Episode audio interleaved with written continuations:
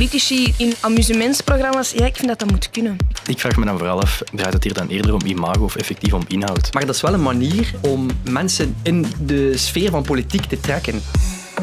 Veel lof, maar ook verbazing en verontwaardiging. Dat waren zowat de reacties toen Conor Rousseau uit een konijnenpak kroop tijdens de zangwedstrijd The Masked Singer. Die stunt maakte heel wat discussie los. Sommigen vinden het goed dat hij zo onder de mensen komt en anderen vinden het onprofessioneel. Is het oké dat politici aan zo'n programma's deelnemen? En wat doet dat met het imago van een politicus? Ik praat erover met mijn drie gasten, Lien van Doorselaar, Robin Gillissen en Sam Ogen. Hallo allemaal, Lien. Hallo, hallo, hallo. Hi, jij bent 28, jij werkt voor een softwarebedrijf en je komt uit Antwerpen. En uh, jij vindt het wel oké dat politici in entertainmentprogramma's verschijnen? Ja, ik heb daar absoluut uh, geen problemen mee. Ik was daar ook op de finale van de Maas Singer. Op de en. Uh, ja. Was je geschrokken?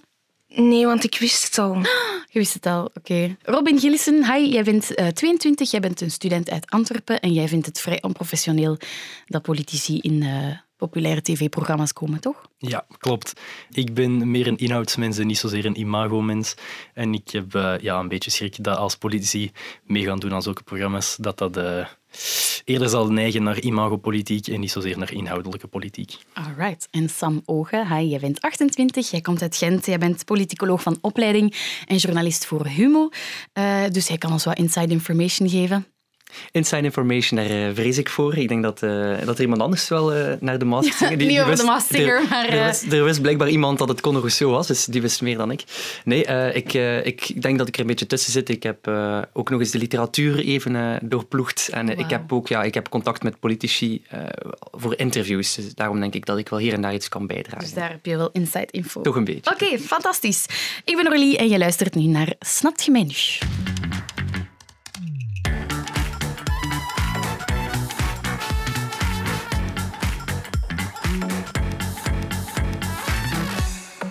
de grote vraag van vandaag. Uh, politici die komen uh, opdraven in populaire programma's. Lien, is dat een probleem?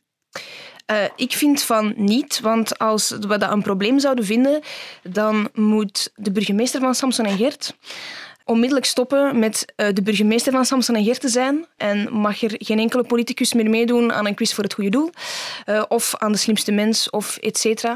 Um, ik heb daar echt totaal geen problemen mee. Het ding is, je wilt gezichtsbekendheid, dus je wilt dat mensen hun gezicht kennen. Want als er tijdens een uh, politiek programma folders worden uitgedeeld en mensen herkennen hun gezicht, dat nodigt uit om een keer dat programma te lezen. En in dat opzicht kun je zeggen, ja, dat is een manier om aan politiek te doen. Uh, maar langs de andere kant mag je de mens en de politicus perfect naast elkaar zien, vind ik. -hmm. Robin, ben jij daarmee akkoord? Ja, nee, uh, uiteraard. ik snap het hele argument wel van de mens achter de politicus zien, maar ik geloof dat er betere manieren zijn om uh, je standpunten en jezelf zichtbaar te maken dan jezelf goh, min of meer op het grote scherm te forceren, om het zo te zeggen. Mm -hmm. Ik zie natuurlijk ook een heel inhoudelijk verschil tussen een programma als The Masked Singer en uh, De Slimste Mens ter Wereld. Waarom is dat iets anders voor jou? Ja, de Masked Singer is effectief bedoeld voor heel grote publieken. De Masked Singer is zangtalent en bij de slimste mens ter wereld zit er toch nog een greintje intelligentie dat uh, vereist is. Wat natuurlijk niet wil zeggen dat ik uh, de heer Rousseau of uh, de heer Tommelijn wil beledigen en zeggen dat zij geen IQ hebben. Maar ik denk toch dat er nog een niveauverschil zit tussen de intelligentievereisten van ja. de Masked Singer en de slimste mens. Je hebt geen politicus nodig die kan zingen. Nee, absoluut niet. Sam Conor Rousseau zei dat hij deelnam aan het programma aan de Singer als 29-jarige Conor en niet als politicus. Geloof jij dat? Ja, ik, in, in C geloof ik dat. Dat is ook wel zo. Hij is ook een 29-jarige man die uh, morgens zijn tanden poetst. Uh, dat, dat, is allemaal zo. Hè. En uh, ik geloof dat hij graag zingt en blijkbaar kan hij goed zingen. Ik heb dat live meegemaakt. Hm. maar het is natuurlijk zo dat, dat je die twee dingen niet volledig van elkaar kan scheiden. Dat is nu eenmaal zo. En hij weet dat zelf ook op het moment dat je anno 2022, bij hem het anno 2020, politicus wordt, voorzitter van een uh, heel grote partij, dan ben je niet meer zomaar een persoon. Dan ben je onlosmakelijk verbonden met wat je doet. En dat, dat hoort bij het pakket. En hij weet dat meer dan wie dan ook. Dus hij spreekt met die dubbele tong en hij weet maar al te goed dat dat niet helemaal klopt. Het is nu eenmaal zo dat we vandaag in een wereld leven waar op politiek niveau je moet proberen jezelf te verkopen. Dat is een soort consumptie. Hè. Je koopt die stemmen door ook een beetje sympathiek over te komen. Uh, je moet overkomen als een, beleidsman enerzijds, maar ook als iemand die heel dicht bij de mensen staat. Dat is ook wat hij gezegd heeft. Hè. Ik wil uh, tussen de mensen staan, de mensen verlangen dat toch, en dat is ook zo. Uh, maar om dan te zeggen van ik doe dit in mijn vrije tijd. Nee, de vrije tijd bestaat niet. Zeker niet als je, zoals Conor Rousseau, zelfs je telefoongesprekken met je oma op Instagram zet. Dat is privé. En ja, hij is een persoon met een oma en heeft een goede band met zijn oma. Maar hij maakt dat publiek en dat maakt er deel van uit. En je kan daar twee verschillende meningen over hebben, zoals hier aan tafel. Maar het is niet zomaar mhm. iemand apart, dat bestaat niet meer. Nee, maar Bart de Wever bijvoorbeeld post ook foto's van zijn familie op, op Facebook. Hè. Foto's van zijn mhm. kinderen, van zijn vakantie. En dat is toch om, ja, omdat wat jij zegt, dichter bij de mensen te staan, omdat we niet meer... Ja, ik kan me voorstellen, in de jaren zeventig waren de, de, de politici, dat waren mensen in kostuum, maatpak, en die stonden boven de mensen en die moesten het land regeren. Maar dat is niet meer hoe dat de maatschappij op dit moment in elkaar zit en hoe dat wij kijken naar... Allez, ik spreek dan voor mezelf, hoe dat ik kijk naar, naar politici. Die moeten weten wat dat er ja, bij de man in de straat gebeurt. En dat gaat niet als je je daarboven zit. Mhm. Ja, ik vind natuurlijk wel, er is nog altijd een onderscheid tussen Instagram en jezelf op nationale tv gaan poneren als een blijkbaar zangtalent. Sam, jij die uh, toch wel in de gaten houdt, werkt dat, zo'n tactiek? Van zich zo op die manier in de kijker te zetten en dicht bij de mensen te komen? Wel, ik denk dat we een dubbel antwoord hebben en het dubbel antwoord wordt hier mm belichaamd aan tafel. Hè.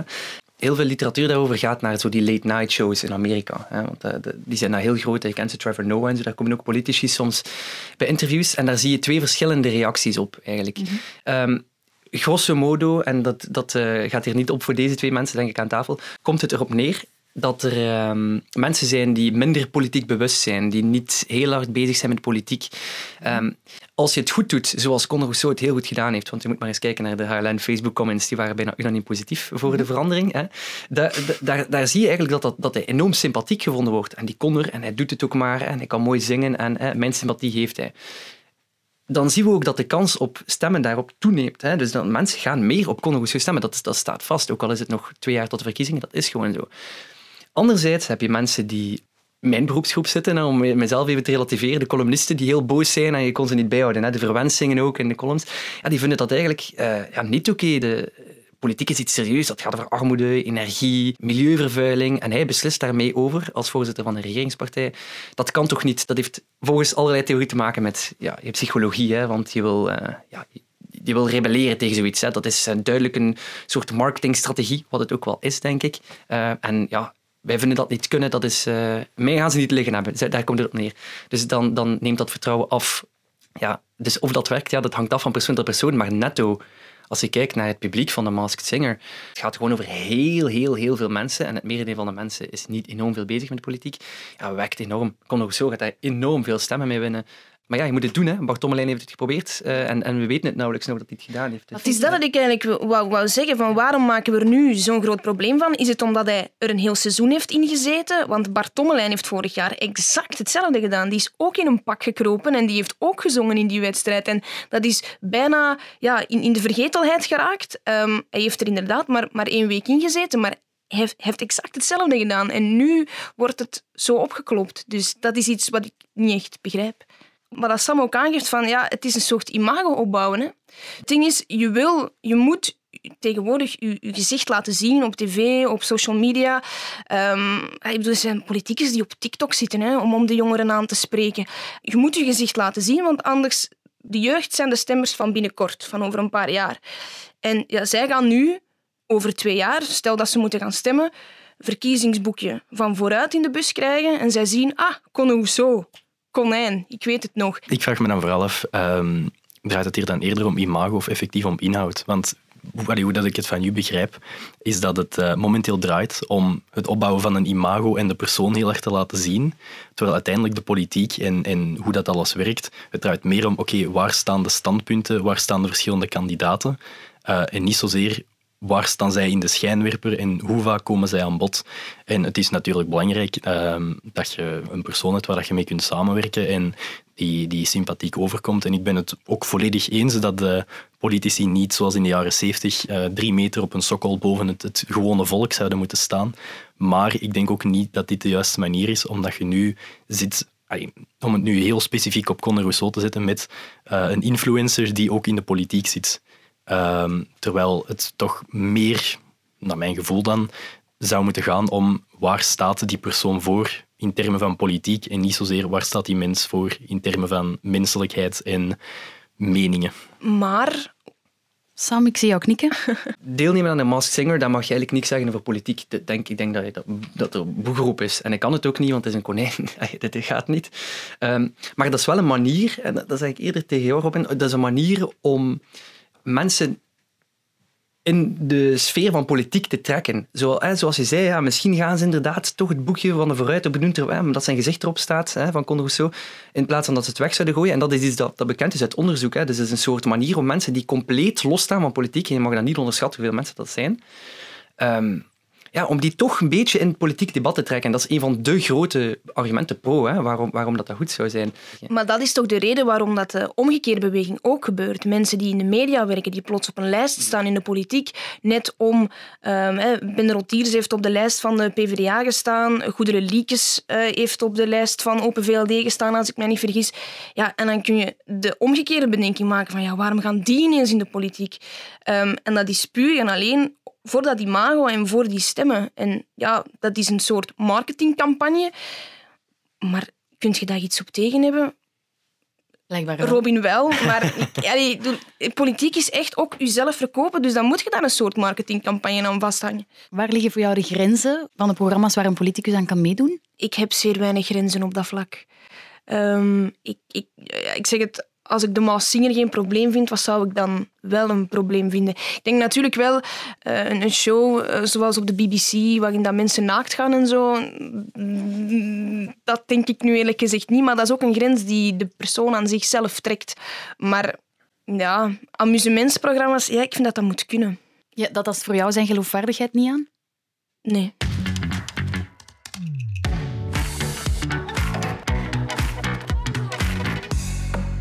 Er komen nu ook steeds meer politici inderdaad in, eh, in, in amusementsprogramma's. Ik stel me een andere vraag. Journalisten hebben wel de verantwoordelijkheid om elke partij ongeveer evenredig, uh, evenveel aan het woord te laten. Vinden jullie dat programmamakers dan ook een verantwoordelijkheid hebben om een beetje het evenwicht daarin te bewaren? Kan jou beginnen, Robin? Oei, um, moeilijke vraag. Um, ik denk Als we nu puur kijken naar het, het geval van, van Conor Rousseau en dan Bart de Wever tien jaar geleden in uh, De Slimste Mens en Bart Tobbelijn vorig jaar, ik denk dat dat niet zozeer is op uitnodiging, maar dat dat ook zelf een, een deel van eigen interesse en eigen overtuiging is. Dus ik denk dat als een van die kandidaten zelf iets had van hey, ik wil mij hier wel kandidaat voorstellen, want dit is iets populair en uh, al die zaken. Ik, ik, ik, ik weet niet in hoeverre dat journalisten daar effectief in betrokken zijn ja, ik heb, ik heb televisiestudies gedaan, dus ik, ik weet op basis daarvan wat, dat, wat dat mensen zoeken in een programma. En als je een entertainmentprogramma maakt, mhm. wil je mensen die ja, pakken op beeld. Ja, je wilt iemand hebben met een verhaal of iets dat eruit steekt. En dat Bart Tommelijn uit dat pak kwam van Monster in het eerste seizoen, dat was wow Bart Tommelijn zit in dat pak. En, en, en dat, dat zorgt voor views, dat zorgt voor kliks, dat zorgt voor... En, en dat is wat je wilt als programmamaker. Mhm. In andere landen zijn er strenge regels voor politici die meedoen aan zo'n uh, amusementsprogramma's. Um, in België, denk ik, zijn er ook uh, regels voor ministers, maar niet echt voor partijvoorzitters. Um, ik heb een spraakbericht gekregen van Tom, die het beter zou vinden als er gewoon een verbod komt voor politici om mee te doen aan zo'n programma's. Ik zou een voorstander zijn van een verbod op optredens van politici in niet-informatieve programma's. Um, en dat verbod zou dan eigenlijk moeten gelden voor alle zenders. Dus niet enkel alleen voor de commerciële zenders, maar ook voor um, de openbare omroep. Persoonlijk vind ik dat zo'n verbod nodig is, omdat we uh, de komende jaren meer en meer zullen meemaken dat politiekers gaan optreden in amusementsprogramma's. Sam, ik zie jou knikken. Ja, ik denk dat we niet meer kunnen terugkeren nu. Uh, en dat het heel belangrijk is dat we dit debat voeren. Niet alleen wij met z'n vier, maar in de samenleving. Omdat eh, in, in de VS staan ze al een stapje verder naar wat er problematisch is mogelijk. Dus daar heb je nu um, een schandaal gehad. Rudy Giuliani, ik weet niet of jullie die kennen, dat is de rechterhand van, van Trump, die mee ja, hoe zou je het zeggen, de bestorming van de Capitool uh, veroorzaakt heeft. Hij heeft nog gesproken tegen de meute, uh, heeft letterlijk gezegd neem het heft in handen hè, en dan hebben ze dat maar gedaan. Die wordt nu ook onderzocht eigenlijk omdat hij de democratie wilde omverwerpen. Blijkt nu dat hij in het volgende seizoen van The Masked Singer, heel parallel met hier, niet Conor Rousseau, maar Rudy Giuliani, die zal uit het, pak van een cycloop kruipen. Heel treffend vind ik dat ook. Ja, dat is niet, uh, dat is niet Dries van Langen of Tom van Grieken, dat is veel, veel erger. Hè? Wat, wat, wat er daar gebeurt en gezegd is. En die mag dan deelnemen aan zijn programma. En dan is de vraag, ja, is dit nu oké? Nu zitten ze in de VS te debatteren. Maar zij zitten wel met de, allez, zij zitten met de gebakken peren. Wij, wij, wij hebben uh, het geluk dat het nog iets wat netjes is bij ons. Dus ik vraag me af, ja, waar stopt dit? En in die zin denk ik dat het misschien geen slecht idee is van wat Tom uh, hier ingestuurd heeft in het spraakbericht. Want ja, waar houden we op? Leen, mag Dries van Langenhoven voor jou in de Masked Singer zitten? Um, mag Dries van Langenhoven van mij Masked Singer zitten? Um, als de redactie beslist dat hij uh, goed overkomt op scherm en dat hij uh, uh, goed zou overkomen, ja. En maar, vind, maar vind je dat niet gevaarlijk? Dat is, allee, we kennen zijn ideeën, hè? dat is, dat ja, is echt de, de echte hardliner. we weten ook dat, dat zo iemand populairder wordt, ja. sowieso. Vind je dat dan niet, dat, dat er een soort, ja, dat is toch iets belangrijker dat we bepaalde zaken dan afwenden dan dat hij goed pakt op televisie, lijkt mij. Ja, maar bijvoorbeeld, allee, je moet het hem wel geven over Conor Rousseau dan. In heel de Maas Singer is er niks over zijn politieke voorkeur, over mijn stemming gezegd. Um, dus als je Dries van Langenhoven dan gaat meedoen, ja, dan gaat hij inderdaad ook ja, de jeugd aanspreken en de kijkers en, en, en, en dit en dat. Um, maar ja, als je de, inderdaad de ene toelaat, gaat je de andere ook niet. Allee, Wel, maar da, da, daar, daar zit je met het probleem, hè, dat, dat de inhoud van Conor Rousseau of, of Dries van Langenhoven doet er blijkbaar niet meer toe, maar het, doet er wel degelijk heel veel toe in een democratie. Dat is het hele probleem. En ik, ken ook ik weet ook niet hoe, hoe je dat in een wet zou moeten gieten of, of regulering, of waar stop je. Moet, moet er een debatprogramma zijn, dat mag wel, maar als of niet, ik weet het ook niet. Ik denk gewoon dat, dat je op een, een helling kan belanden uh, en dat, dat je er niet meer kan stoppen met rollen. Dat denk ik.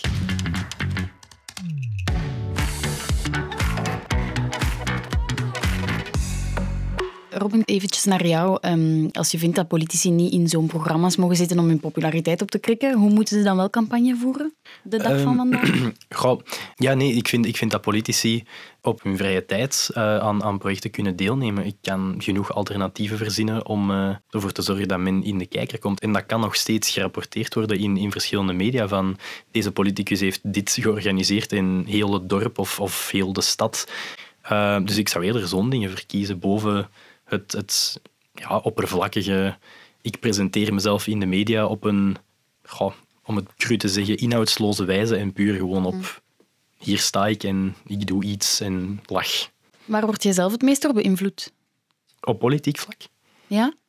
Ik denk eigenlijk, ja, ik, ik, ik ben zelf iemand, ik zit de hele tijd te preken over inhoud. Uh, als ik dan naar debatten kijk en ik zie dat mensen in plaats van andere partijen afkraken, effectief hun eigen partijpunten op een degelijke manier naar voren brengen, juist kunnen verdedigen, dan zullen zij sowieso ja, mijn respect krijgen. Mhm. En uh, ja, als dat dan ook een van mijn voorkeurspartijen is, dan groeit dat respect alleen maar. En voor de rest... Puur inhoudelijke debatten. Ja, en is dat dan een probleem, dat hij op Instagram zit of dat hij op Facebook een foto post?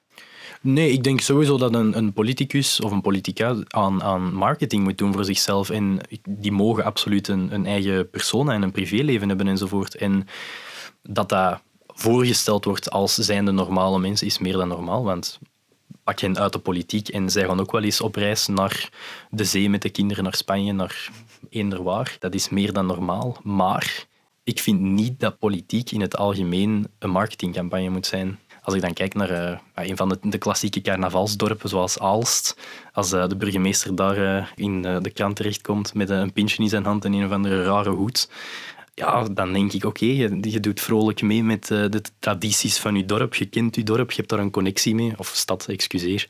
Je haalt jezelf effectief onder de mensen, maar dat is niet op een geforceerde wijze. En dat vind ik dan weer positieve en, en inhoudelijke marketing. Maar dat, dat je mensen alleen zou overtuigen op basis van inhoudelijke argumenten, uh, dat is denk ik een beetje een mythe. Ik denk, uh, ja, mensen twijfelen ook niet tussen... NVA en groen of zo. Hè. Dus tussen mensen en stromingen die heel dicht bij elkaar liggen.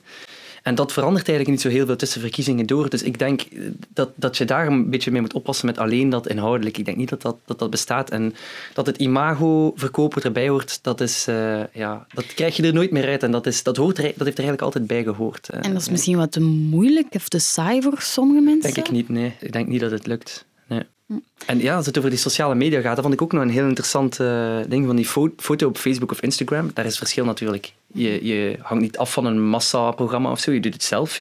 Maar het interessante daarbij is dat België daar een soort historische koploper in is. Hè. Als je keek voor, ik denk 2021, de top 10 van uh, meeste uitgaven per pagina van persoon, hè. Bart de Wever kon ook zo, staan we met 7 of 8 in de top 10, met 4 in de top 5. Uh, terwijl, het meeste geld dat er naar gaat. Ja, uh, Bart de Wever een kwart miljoen op, op een aantal maanden. Dus dat gaat over... Ja, en, en 2021 was dat, dat was geen verkiezingsjaar. Hè. De mhm. enige andere in de top 10 was een Griek en een Nederlander waar er verkiezingen waren ja, daar wordt zoveel geld naar gesmeten. Dat is immens. En dat is eigenlijk met geld uh, dat ze zichzelf uitkeren. Hè. Dus dat is, uh, de partijen in België zijn heel machtig en heel rijk. En dat geld wordt eigenlijk in die persoonlijke campagnevoering gestopt. Dus daarom dat die personen zo centraal staan in ons land.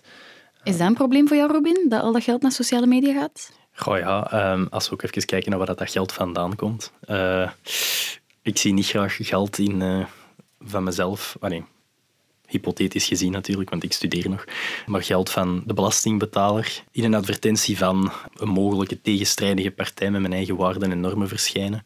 Dus ik vind, allez, zeker, ik heb, ik heb die cijfers ook gezien vorig jaar, ik lag er ook even ondersteboven van. Uh, het zijn overdreven grote budgetten. En daar zou toch ook, net zoals daarnet met de, de aanwezigheid in media, misschien een soort regulatie op moeten komen, want het gaat er wel effectief over, naar mijn mening. Lien, vind jij ook dat het erover gaat? Ik vind niet dat het erover gaat. Is het een logische evolutie? Ja. Vind ik. Omdat ja, we zitten in de tijd van de sociale media. Dus ja, waar vinden ze hun, hun nieuwe kiezers? Ja, op, op de sociale media.